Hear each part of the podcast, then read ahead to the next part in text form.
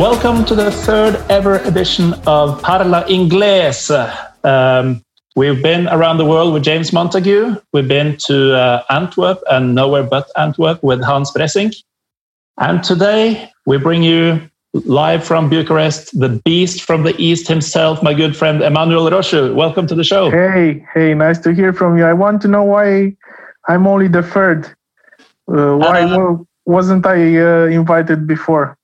Well, I, I, I didn't want to, you know, start on the top. Yeah, and, you, uh, you didn't want to make any favors for your best friends, right?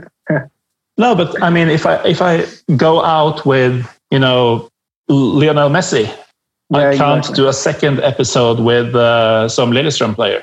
You yeah. know what I mean? Uh, I need to keep it. I feel like a very fat, very fat Lillestrøm striker. I always could, dreamed of being a fat striker up front, scoring goals uh, from could, 16 yard box. Yeah, it would be great. could have easily gotten into the Lillestrøm side the way things stand right now. Uh, but uh, Emmy, uh, we like to call you Emmy. Yeah, please call me uh, Emmy. You, um, for those who don't know you, you're um, pretty much football journalist, football reporter from uh, Romania. Yeah, I work as a football journalist in Romania. Uh, maybe some of your uh, listeners know me from Twitter because that's where uh, I've really should. the past 11 years.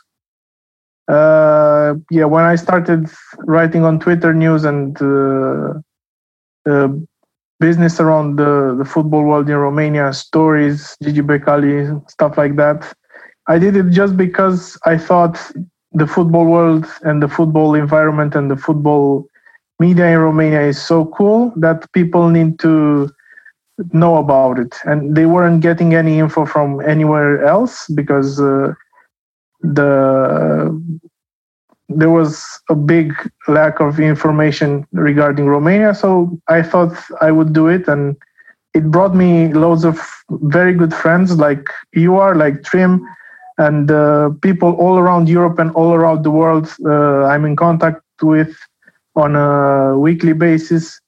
That's the the fantastic thing about it, you know, the the relationship it creates. Football, it's uh, of course I'm not going to uh, talk in cliches now, but that's how I see it. You know, it's literally bringing people together, and it, that's what it did to me.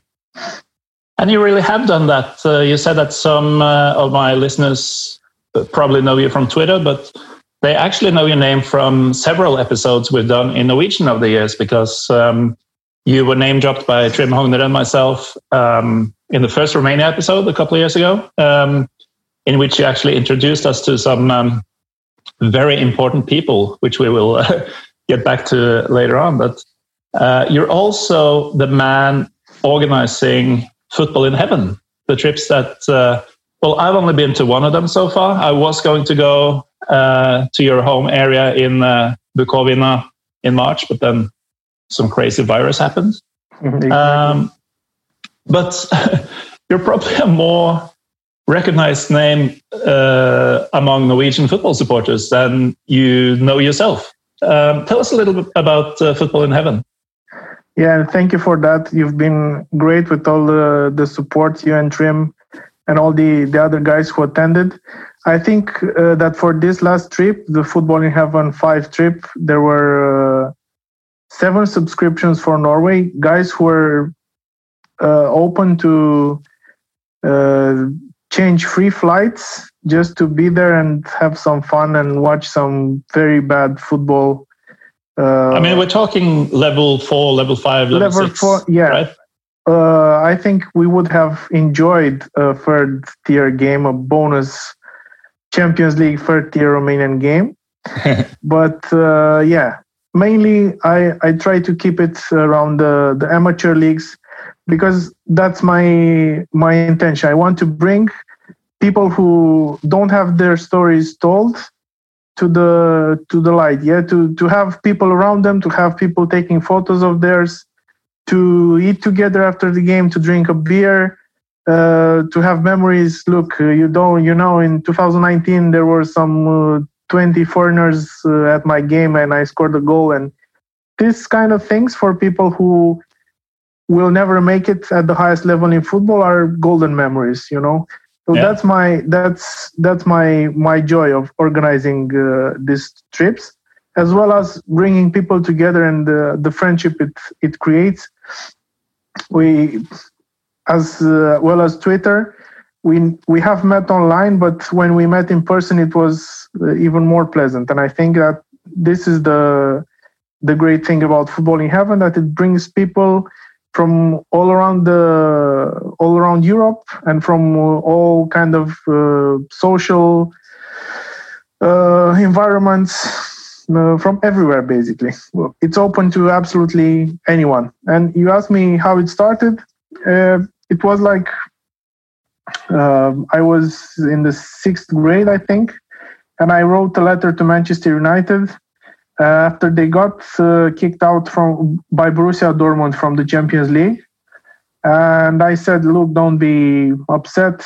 Next year you'll do way better. You'll maybe win the competition. And they replied, they sent me some autographs of the players, and I was very impressed. And I said, Look, I was seeing NTV. We didn't get too much coverage of the European leagues back then, but we did have an uh, international football section in the news programs and uh, I saw teams going playing charity games around Europe. Uh, it wasn't as big as today with Asia and the United States and uh, the long, uh, exhausting uh, trips in the summer and the winter. But you did get some uh, some info about the tours they were making around Europe, and I said, "Look, why don't you come to see how great my home is?" And well, they never came and they never replied to my to my invitation. But still, that's when the the idea of me ringing people at my home in Bukovina to sh- see uh, to show them how beautiful the places, the people, and the football is. So that that's how the idea was born, basically, and I made it happen almost 20 years after. You sure did, and. Um not only are you taking us to see Romania and to see football there that no foreigner would ever set foot at the, the stadium in Zarnești, for example, if it wasn't for you. Uh, one of my favorite memories from last year. But uh, you also pick the locations very carefully. You, you're not just showcasing the country uh, and poor football, you're showcasing the most breathtaking parts of your country. That's what I try, yeah when I when I pick uh, first of all when I when I think about uh, a region to to do it, the first two were in my uh, in my home uh, county, yeah, in Java and around in Bukovina, and then I thought, look, why not make it uh, a national thing? Let's try and bring the the same feeling, the same joy to people all around the country, and that's how. Uh, we went to Sibiu, and that's how we went to Brasov after that to Bucharest.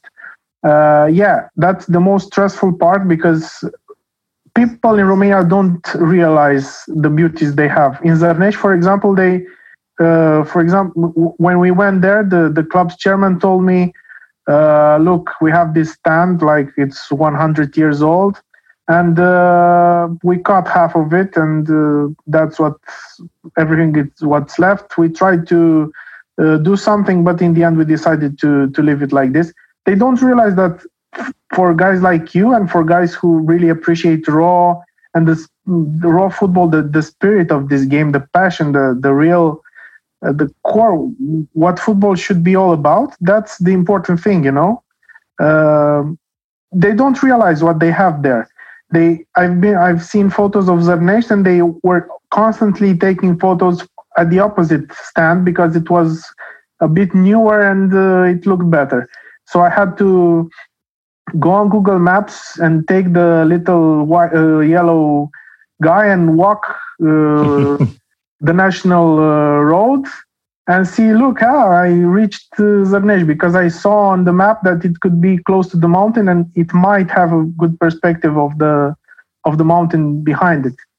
So yeah, they don't really understand the beauty there is in in their in their clubs in their region in their in their stadiums I think what you're saying, uh, especially in regards to Zarnești, um, the the photos that they would use would be, as you said, of the let's say newer stand. But what we all fell in love with was, exactly. of course, the old rotten wooden stand where I actually stepped through uh, a rotten plank and stuff like that. That's what exactly. we wanted. Exactly. They couldn't believe their eyes. Yeah, when I told him no, people aren't here to judge you or to say, look, this guy hasn't uh, done anything to improve the conditions at the stadium. They will just enjoy the fact that they are there watching the the game the team is playing. They don't get any money for playing there. They just play for fun. That's why we're there to have fun, to enjoy ourselves, and to watch some football in the process. And uh, yeah, when they realize that nobody is going to be judgmental of them, they uh, change their attitudes. But in the beginning, I've had uh, attitudes like this. People who said, "Ah, no, maybe it's not a good idea because my uh, stadium is not uh, hasn't been improved for the conditions haven't been improved for five, 15, 20, 30 years." But I, when I explain what the concept is, they accept in the end, and we do discover some quite some beauties. I think. I uh, absolutely agree. But um, for me, I, I, know you're not a heavy drinker, Emmy, but uh, for me, even though, you know, as great the matches were, uh, how real and genuine the football, uh, how rotten the wooden stands and all that, for me, I think the highlight was the, the Palinka and the BS on the bus and the camaraderie between, you know, 40 or 50 relatively strange people. I mean, people knew some people, but uh, I didn't know any of the English guys. There were, you know, 30, 40 of them, uh, all well older than me. Uh, but we were all bonding over some, you know, some vampire folklore, some palinka, and of course the football. Exactly. The ages vary from uh, 20 to 75, I think there are young people, old people, people coming from absolutely. Uh, we had an, an uh, a diplomat working in India, an English diplomat who was working uh, in India. We had uh, uh, a guy who was an accountant in England and a postal. How do you call it? The deliver the mail the mail guy who is mailman. Mailman, yeah, exactly. He's a you know we all know steve carpenter. He's a fantastic guy. He gathers people around him and they uh, uh, they are convinced by he's taking fantastic photos. The good thing about football in heaven is that they it brings out the the good in people you know i've been uh, told before the first trip that you know maybe of the some of the guys will get weird because uh, some have uh, uh, a weird way of uh, reacting when they don't get to the game one hour in advance. and they have their habits and they like to go and watch the stadiums and drink a beer before. And uh, I never, in the f- four trips. Ritualistic ground hopping. Yeah. Uh, in the four trips uh, we had so far, we didn't have any problem with anyone. Everybody, at least they didn't tell me anything. They didn't moan. They just uh, mm. enjoyed themselves and that's the the rewarding thing for me that people in the end some of them told me even the the best things that the best thing that i was ever told after this trip was that uh, uh, a friend from uh, wales told me that it's his best football memory uh, ever and he's like in his late 40s so he probably got to see some games. He got to go with his dad with his family. I don't know his family tradition of going to football, but I bet they, he does have some uh, special memories at home.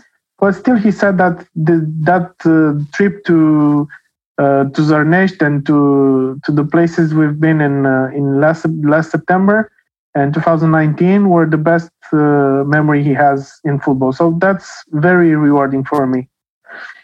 That's awesome. Uh, and I really hope we can. Um, I mean, Football in Heaven 5 was supposed to happen in March. Of course, didn't happen because of nature.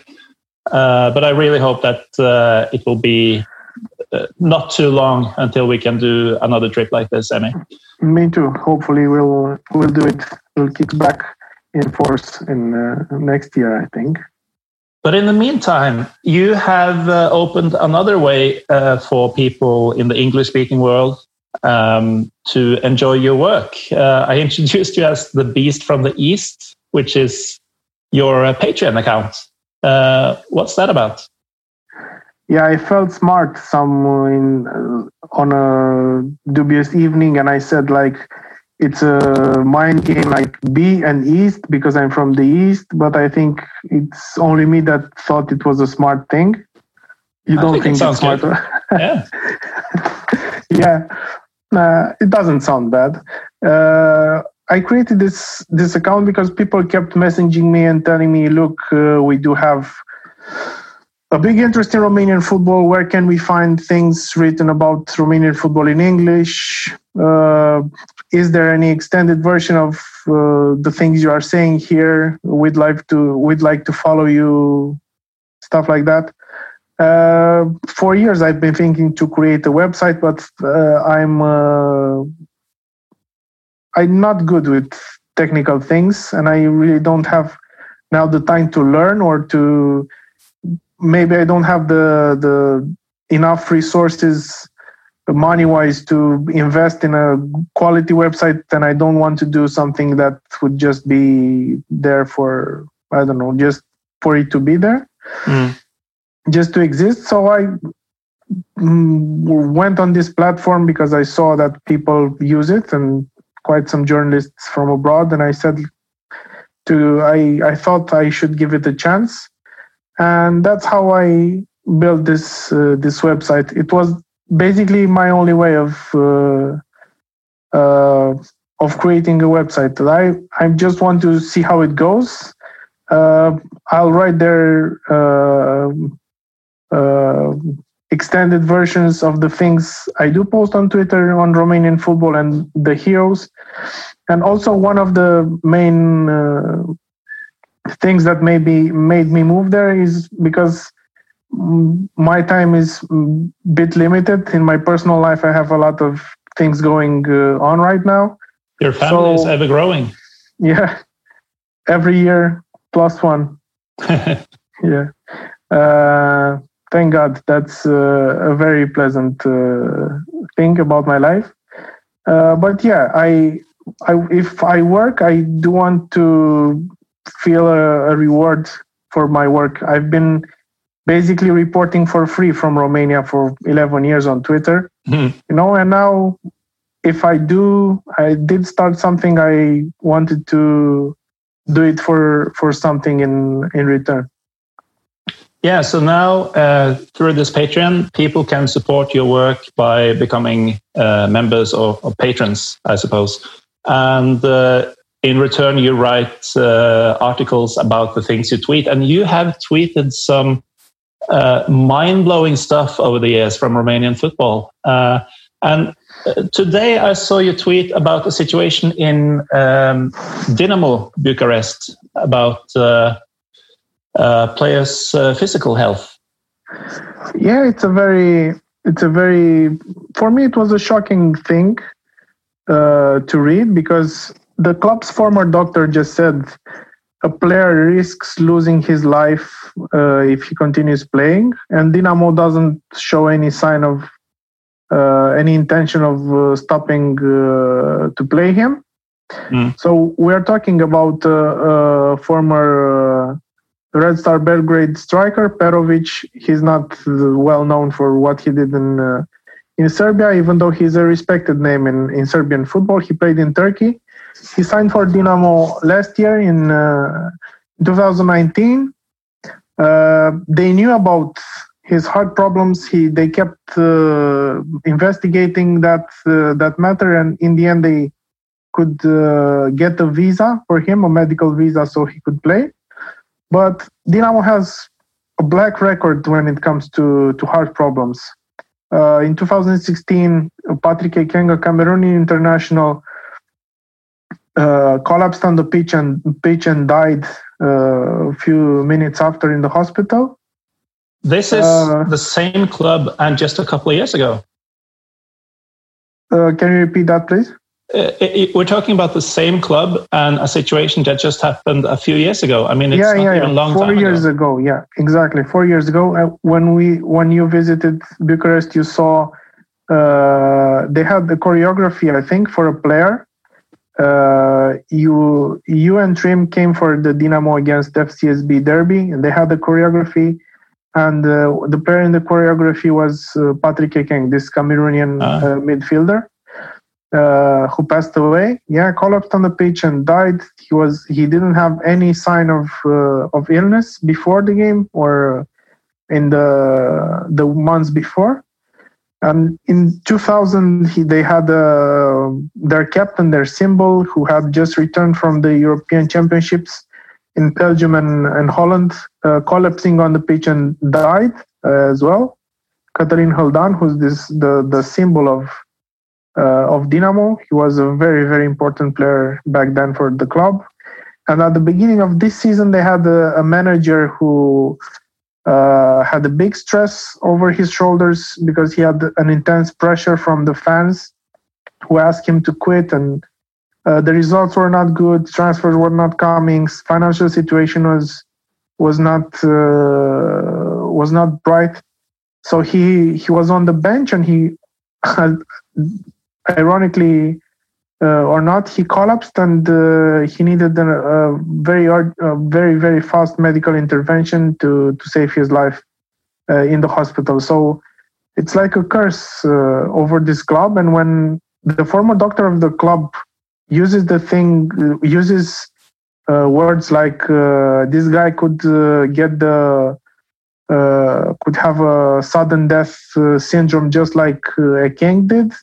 For me, it's it's pretty shocking. The bad part is that the club didn't react in any way. They didn't uh, have any public statement. They didn't make any any comments on the on the matter. They it's just some news who which goes a uh, bit unremarked in Romania. And I think it's, uh, for me, living here, it's not shocking, but I think that for a sane football environment and for a sane society, it's appalling, you know? Mm. Uh, a doctor tells you, and it's not any doctor, it's the doctor that took care of him while he was there because this former doctor of the club left in uh, 2019 in the last um, months of the year, November of December. So he took care of this player for months, for five or six months. And he tells you, look, this guy can die, and you pressure him to train uh, on a regular basis, and nobody does anything. Quite this strange. is one of the many absurd stories coming out of the the gift that keeps giving, which is uh, Romanian football. And uh, you said that Trim and I were we were there for the derby against Dinamo and FCSB. Uh, yeah, that's the new club, the new name. Yeah, tell us again why aren't they just Steaua like they used to be? Well, they uh, Steaua was recreated in the fourth tier. Now they belong to the army uh, this is their third season in the fourth tier. They had uh, they were very close to getting promoted. Their objective was to get recreated and uh, get promoted year after year after year and reach the uh, the first league uh, in 2020, I think. Yeah. So this, yeah. So they were supposed to to fight for promotion right now to the first league but unfortunately, after some uh, unfortunate events, they are still fighting to get promoted from the fourth tier to the third. Uh, the, this whole story is absolutely cra- crazy. Uh, long story short, to put it like this, Becali, when he took charge of the company which uh, uh, controlled uh, Steaua, didn't take the the history with him. Uh, that's what the court says. They have uh, final court decisions saying that uh, Becali doesn't own the Steaua brand, the crest, and any symbols related to it. So he's not allowed to use the name. He's not allowed to use the crest, and uh, he's not allowed to use any relation to the big historical Steaua club. And this is the actual uh, verdict from the um, from the trial that Gigi Becali's uh, FCSB uh, are not and will not be the real Steaua. Yeah, the verdict of the court is that he cannot. The first verdict of the court stated that he cannot use any relation to the Steaua brand. There were several following uh, verdicts saying uh, you don't have the history. Uh, now they are waiting for a verdict over uh, the army suing Becali to recover prejudice. So they asked for compensations of nearly 40 million euros for the time Becali, uh, they say the army says illegally used the Steaua brand uh, and didn't pay anything to the army. So they are asking for 40 million euros to to go to their accounts. And I think if that would happen, it would basically make Becali uh, abandon the first league club and uh, of him going bankrupt because he will never pay that uh, that money my opinion. But um, the two the two Steauas, the tale of the two clubs fighting for their rights to call themselves uh, by the by the classic name, that's not a unique thing. I mean, there are this happens in several cities and several clubs in Romania, doesn't it? Absolutely, yeah. This tells you a lot about the the way clubs were uh, were managed in the past 20 years. There are a lot of amateurs, a lot of people who didn't have anything to do with sports or with law or with uh, branding or with marketing or whatever, you know. Uh, nobody knows what actually they own. When they take over a club, uh, they just uh, they're just happy to be in control to take the money from the TV rights to do some gambling and to have fun uh, deciding the starting 11. I mean, club owners, yeah. When I say gambling, I'm referring to the uh, take this player in, take him out, uh, stuff like that. Because now we don't have, at least that's what we want to think. We don't have the the fixed games we had in the 90s. It was a big, big problem uh, in Romanian football we had the fixed games be- before it was cool. We didn't do it for for betting reasons. We did it just to have some teams uh, stay up and avoid relegation for years and years and years. Yeah, and this FCSB story is similar to Rapid. At, right now, we have like uh, three Rapid clubs Three yeah. Rapid uh, Bucharest. Yeah, we have Rapid in the second league. Uh, we have Rapid in the and two Rapids in the fourth tier. Yeah. and so you, in the fourth league, you can have matches Rapid against Rapid. Actually, in in the fourth tier in Bucharest, now we have three Rapids because the Rapid in the second league has a second team playing in the fourth tier. so, so you have a mini Rapid tournament. Yeah there's Steaua, Rapid, Rapid, and Rapid Reserves in yeah, the same yeah. league. Yeah. I love Romania. Yeah, yeah, it's absolutely brilliant. And you probably wonder what FCSB stands for, right? I don't, but uh, I'm sure some. What do you think it means? Well, I would assume Football Club Steaua Bucharest. Ah, yes, good answer. But Gigi Becali, the man probably everyone has heard about uh, in a context or another, uh, thinks that says that. Well, he said it like a joke, but I think it's like 85% true. So in Romanian, you say faci ce spune Becali. The initial words of these four words, the initial letters of these four words, yeah, and faci ce spune Becali is translated like you do what Becali tells you what you do what Becali tells you to. And you know? it spells out FC. Absolutely, yeah. Wow. Well, that has to be true. Well, I mean, he, even if it's not, it's true in it, my book. Yeah, he spoke about it publicly, so he didn't. he said at some point that yeah, I'm going to rename the club Face Spune Becali, so FCSB. but in the end, he abandoned the idea because uh, he said that his fans will get mad and they will not think of this club as Steaua and so on. Uh, a very important thing is that uh, 80% of the, the Steaua nation still thinks that FCSB is the the, the uh, they loved from the communist times and uh, maybe going back to the creation of the club in 1947. That's kind of the opposite of. Uh, I don't know if you know this story, but um, around 2000, some Norwegian businessmen bought Wimbledon FC. Yeah, Milton Keynes and. Uh, yeah, they, they changed it to Milton Keynes, moved it to Milton Keynes, and then uh, the fans started a new club from scratch, FC Wimbledon. I'm, I'm sure you know about this, but um, yeah. in that case, every everyone uh, sides with the amateur team, which is not amateur anymore. Uh, but all the fans said, no, AFC Wimbledon is the real club. But you're saying that um, most people go with the bastardized uh, Becali side in this case.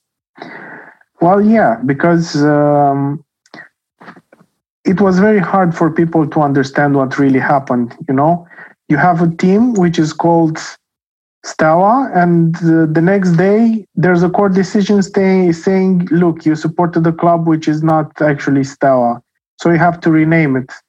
Mm. You know, so it's it's a very different uh, uh, case from the Wimbledon versus uh, Milton Keynes one. Sure. Uh, people here, well, Becali has a very big mouth. He talks a lot of uh, he says a lot of stupid things. He likes to hear himself. Yeah, but on this matter, ha- he has uh, some points that uh, are really in his favor when he when it comes to uh, to the conflict uh, with the army. Uh, part of the ultras now had two sets of ultra fans behind both goals. That's where they stay in, in Romanian football behind uh, the two goals. Yeah, and the radical ultras, the super radicals, uh, left FCSB and went with the army team, while the the the bigger number of ultras who are not radicals have uh, kept supporting uh, Becali's club. So we mm, a few months ago, uh, Andy Mitten from 442 came to write uh, an article about uh, this, and he asked me, uh, "What do I think about this uh, this rivalry?" And I, uh, I didn't know what to tell him. You know, a few words to describe it, but I only told him that uh, if the two were to play in the same league, I think it would be the biggest rivalry in Romanian football. Mm. And I think that's the way you should you should see it it will be absolutely okay. You have Steaua against Dinamo, against Rapid, against the other club in the province, but nothing will compare to what Steaua against uh, FCSB will be like. It's going oh. to be the biggest fresh rivalry in world football, in my opinion. Hopefully, one day we'll um, we'll get to see it. I hope but, so. But in the meantime, uh, there are things happening in other cities as well. We have in uh, Sibiu, where we um, went for Football in Heaven 3, we have a team called FC Hermannstadt. Um, they got a new owner, don't they? Yeah, and everybody loves the new owner. yeah, I wonder why. Who is she? She's an international model, a very look, good looking uh, young girl. She's 21 uh, she's just the formal uh, owner of the club because uh, in reality it's her mother controlling the the things uh, so there, the the business there. Her mother is the playmate Ana Maria yeah? So she's you have you have the 21 year old um, pro forma owner who's an international model uh, Rebecca Dumitrescu but yeah. in fact, it's her mother who's a playmate who who really owns the club. Don't you love the story? Already, yeah. yeah it's amazing. And it's especially good with photos. yeah, exactly. You should do a podcast with video next time. well, I'll need to do some changes to my own appearance before that. But um, what? How did this happen? I need a dark. I need a dark screen instead of my face. yeah, yeah. I, I think we're better uh, written. Yeah, we're and, better and, with the on sound and- tape.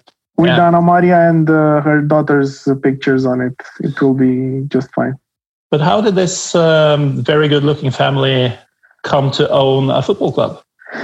Well, her mother is uh, very well known in Romanian football. She's been a football agent for 15 years now, and her influence has grown year after year. Uh, her husband was FCSB's uh, manager, and I think he was the most important manager the club had in the past uh, 15 years. Uh, in the beginning, nobody took her seriously. She said, uh, "Look, I'm going to be a football agent," and uh, everybody saw this as a media stunt to get articles and uh, TV appearances and stuff like that for her. But in the end, she it turned out that she was very serious about it. She ended up working with big names in Romanian football. Uh, she even had Mutu in her portfolio at some point. Adrian Mutu? Uh, yeah, Adrian Mutu, the one and only. and uh, they are very close. She mm, did make the biggest biggest transfer in Romanian football history from the Romanian league uh, abroad. Uh, sell, when FCSB sold uh, to Anderlecht in 2016. So, yeah, she her name got uh, uh, positive reactions as well, but negative too because she's uh, contested by some for her. I- how do you call it? Many of the games between teams where she has players have been suspected of not being 100% correct at some at many points. And there were people openly accusing her of uh, of these kind of things. Of course we're not uh, we don't have any any evidence of uh, of anything. There was no evidence at any point that she uh, did it but there are voices accusing her over and over again. And probably that's why she doesn't have the the best image you know. But she's well known and she has good connections and maybe that will help a club. Uh, maybe she wouldn't have been accepted at uh, a bigger club but hermannstadt is like uh, at the bottom of the uh, football uh, uh, league in romania it's not just in terms of of uh, fighting relegation but they that they have big debts uh, they have a lot of money to pay to uh, their players and to to the Romanian state. So any money coming from outside is good money. So they accepted it with both hands. How um, how can I mean? I have no idea how much money there is in um, in Romanian football and in Romanian modeling, but how can um, Anna Maria Prodan and Rebecca Dumitrescu uh, have the financial muscle to to buy a football club and to you know help out with the debts? Uh, well, they are millionaires, that's for sure. she has some uh, uh, real estate uh, business in Las Vegas where she Say lived. no yeah, where she lived with her former husband. Uh, her current husband, Reghecampf, the, the manager I was t- telling you about, uh, is also earning millions in uh, the Emirates, where he is coaching now. So, in theory, she would have money.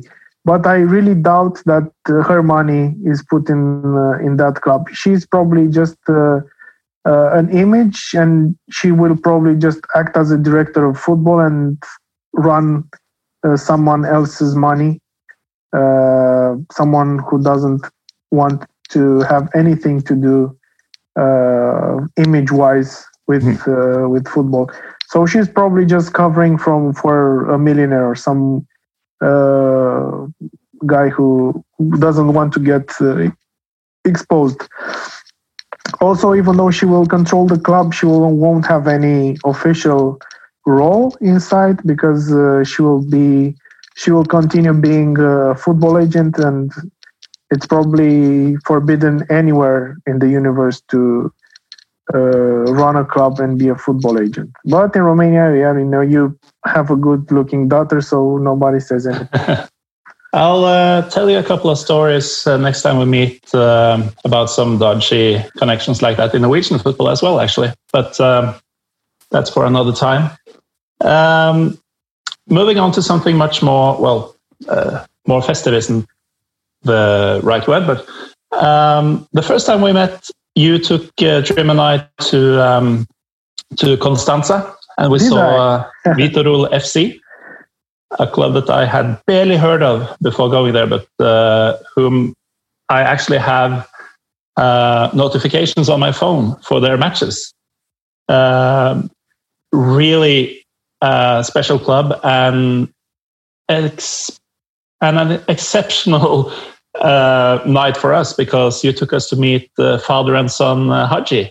Uh, yeah, and you Georgia, remember how who- cold it was, my friend? it was freezing, but in the end, it, was, all worth it. Freezing. Yeah, it was. It, it, it's the it's the coldest I've ever been. I think. Yeah. I, have been living in Norway for 36 years now. yeah, it was absolutely incredible. But we, Um, uh, Trim uh, Hogner, uh, who's been on the Norwegian versions of uh, Piro Pivo uh, so many times, uh, and I, we uh, we got to meet uh, Ianis Hagi and Georgi Hagi, thanks to you. And um, had just played uh, a phenomenal match, and we've been telling the world, or at least Norway, uh, ever since that this kid is going to go places. He's special, and Fiorentina was they were idiots to let him go. Then he went to Genk, and it didn't quite work out for him. But now he's had a loan spell, which is now permanent, and he's in the Glasgow Rangers. Uh, what are what are the father and son saying about that transfer? uh, they're absolutely delighted uh, with the way things work out worked worked out. That's why what Ianis needed in the first place, but couldn't find it in in, in Firenze and in uh, in Genk either. What This- what exactly this is that? belief, this belief of the club in his possibilities and in his uh, capacity of uh, sparkling the team's game, you know. Mhm. In Fiorentina, he had a lot of big players, uh, better uh, and um, mentally ready and all that. So they didn't put any real faith in him. Yeah. He was also a kid then. He probably uh, was promised, I know he was promised, uh, look, Ianis, uh, you are going to be played. And he just ended up uh, playing uh, two games in one year and a half with the first team. One of them came after his 18th birthday, so he was just uh, introduced for a few minutes just to uh, for the club to show him uh, that they want to wish him well in for his anniversary. And you know, at that age, when people in Romania say, "Look, have big expectations," they put a lot of pressure on you as well, because he has his haters too. You know, uh, people don't uh, aren't easy with him. They just uh, need him to deliver week in, week out, so they can uh, accept him. He has a very tough name on his back, a very tough number. He, even though he wears seven, everybody looks at him as the number ten. His dad was and that's what the number yeah that's number he i think that's how he sees things he he acts and thinks and he plays like a number 10 and he wants to even though he doesn't say it he wants to follow in the footsteps of his dad and do things like his dad did even though they are rather different players but he wants to have that influence and he wants to to control games like his dad did. He couldn't do that in Fior- in Firenze. He did. He couldn't do that in Genk. Uh, the team was reconstructing in Genk. He had some chances. He was uh, played uh, as a substitute in some games. He did have uh, a few a few games there.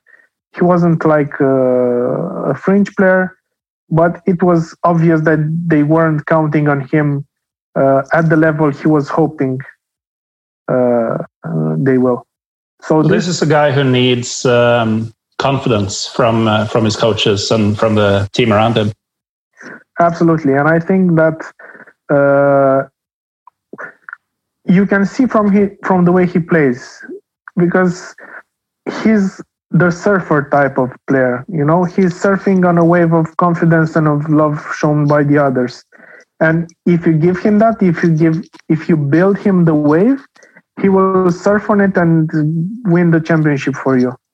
But if you don't uh, create the wave, he will be a mediocre surfer and he will just go to the beach and uh, the others around uh, will start laughing because he didn't uh, do any move, any special move, you know.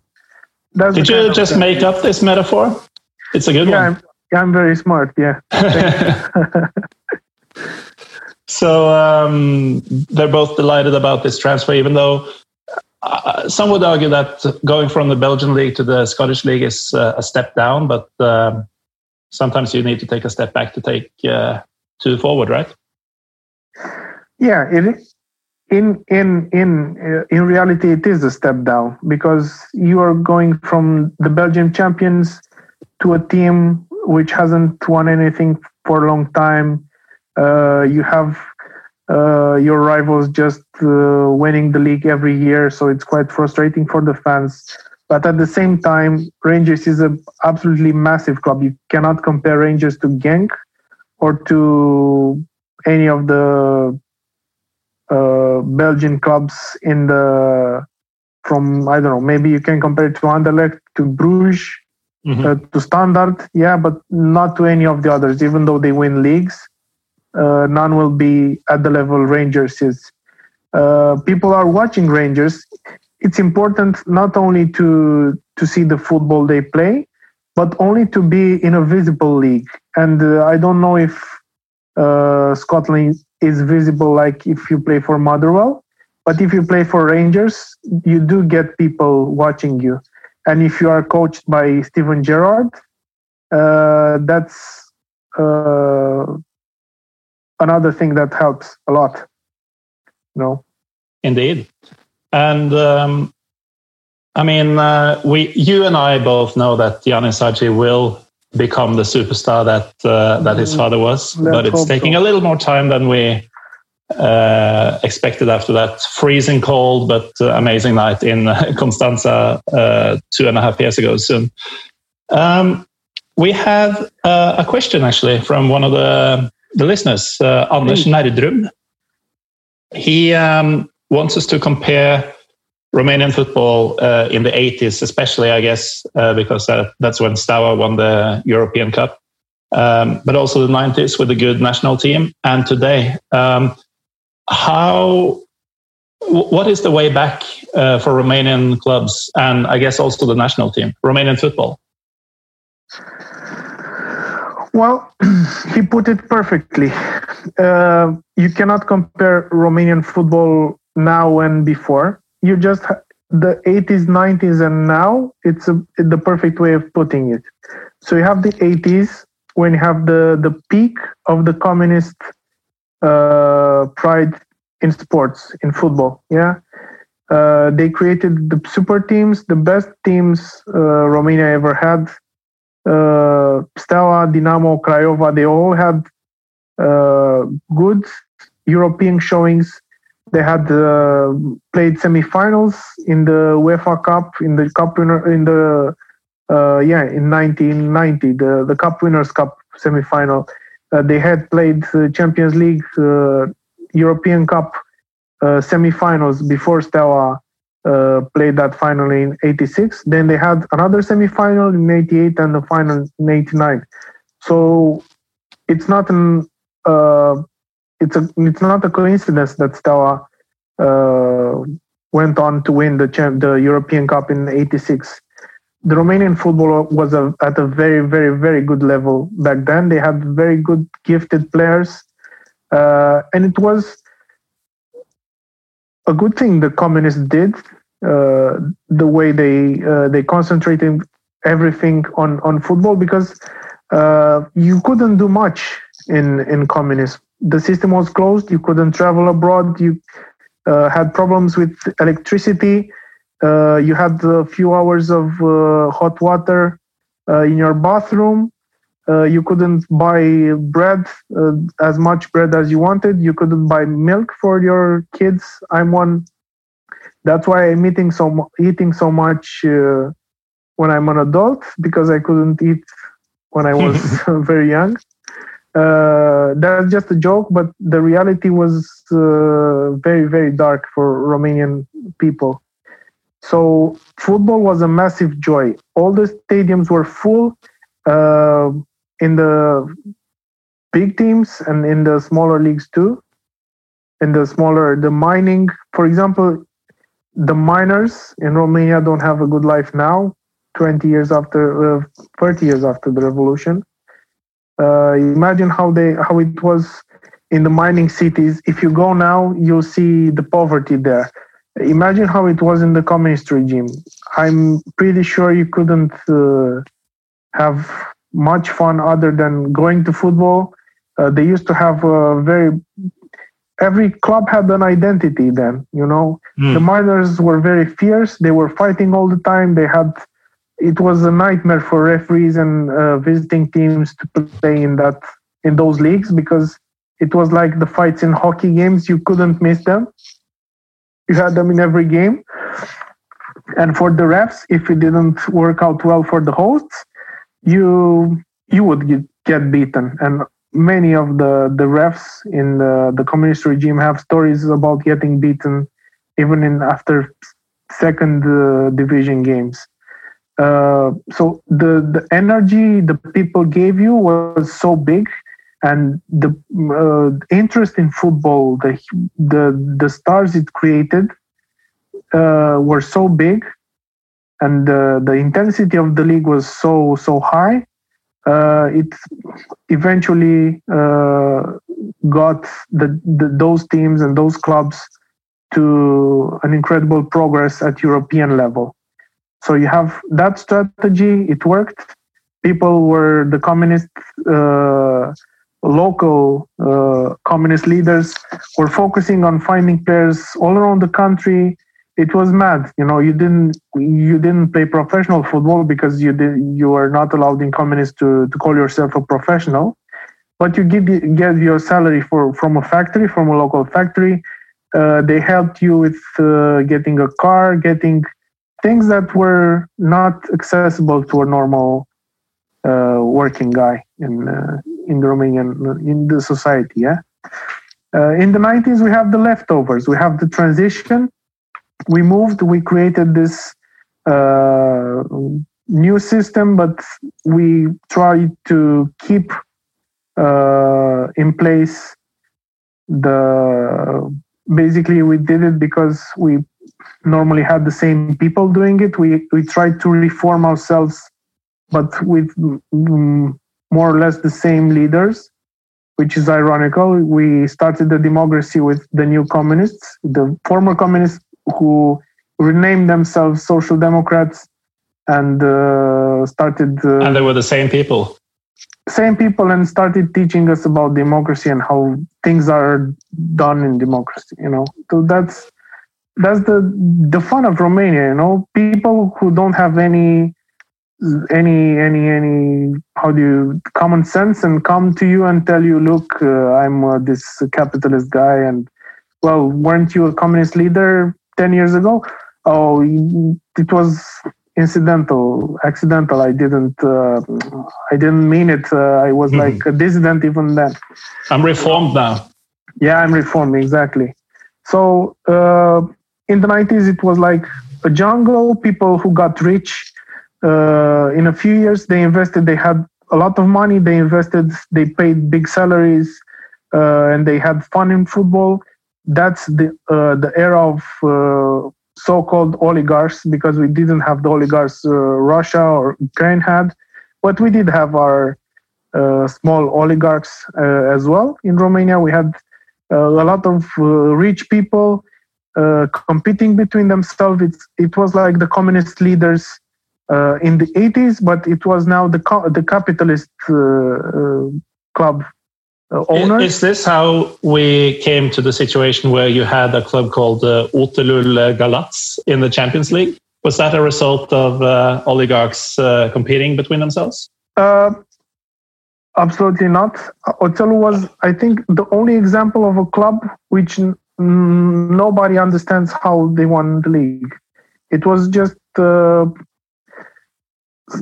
voice. Some voices say that they uh, had a deal with uh, the refs boss before the season, and they were every decision which was controversial was taken in their favor. so, yeah, maybe, but they had the, the most average team ever. They so no big salaries or big names or anything. No big just... salaries, no big players. They had uh, Dorinel Munteanu, who was the uh, top, has the highest number of caps for the Romanian national team as a player he was their manager. He was like very uh, a fierce guy. He was all in in training, and they had like this absolutely incredible season, which uh, many find impossible to repeat. I think it's this and Urziceni were the most surprising league champions ever in Romania. Yeah, I kind of forgot about them. Uh, there, there have been some upsets. I mean, uh, Viitorul, which we mentioned before, is uh, basically just an academy, uh, but they also won the league a couple of years ago. Yeah, but in in uh, in Viitorul, at least you have a model, you have a strategy. Mm-hmm. You, the things are done in a way. Uh, if you have a good re- generation of players, it's normal that at some point, it's like in in Barcelona's La Masia. Of course, yeah. keeping the the uh, difference uh, in place. Yeah, but you have the, the generation with Xavi, Iniesta, Puyol, and all the others. Yeah, coming uh, together in the first team, and uh, you have Viitorul's team, uh, the Ianis generation, all the guys who grew up together and uh, managed to confirm the performance they did at youth level in the first at the first team level. So yeah, you have you have an explanation for that uh, success. You have Hagi, you have his image there, you have the big man, but uh, in Galați you don't have much, honestly. Yeah, and in the 90s, so we have the mini oligarchs era, and now we have the the abandoned era. So we we couldn't build and we couldn't uh, value the things we were left with from the communist regime. We did have the brands, but we destroyed them because after the communists uh, left, everybody started started uh, fighting for power at basically every level. So, as football clubs are micro universes for uh, cities and towns, they started fighting there, and it led to the creation of uh, free rapids, uh, two Timișoaras, uh, couple of towers, couple of towers, uh, free FC Brasovs and so on. Yeah, it's.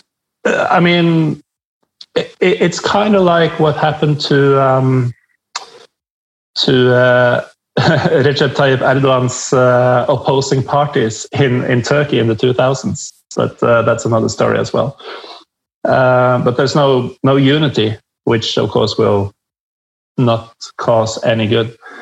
Anyway, um, Emmy, we've been here for about an hour now, and um, it's even later in uh, in Romania than it, than it, is, than it is here in Oslo.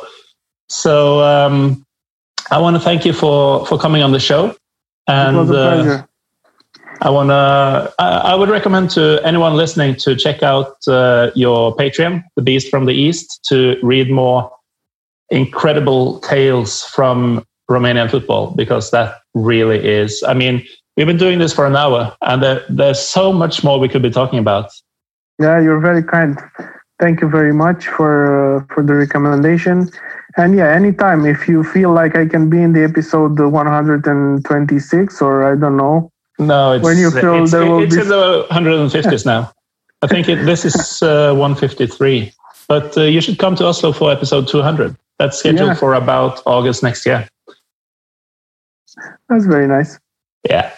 Uh, maybe we can go to a football match again. We could watch uh, my dear Lillestrøm playing level three football. First league football, then. You're a funny guy, Emmy.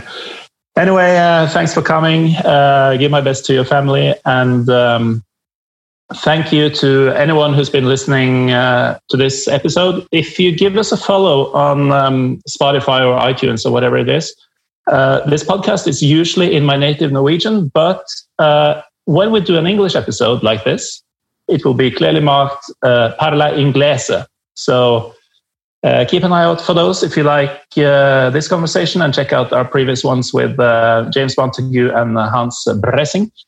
Anyway, um, Emmy, thanks again for being here. Thanks a lot for having me, man. And have a good night. I'm going to switch to my native Norwegian now.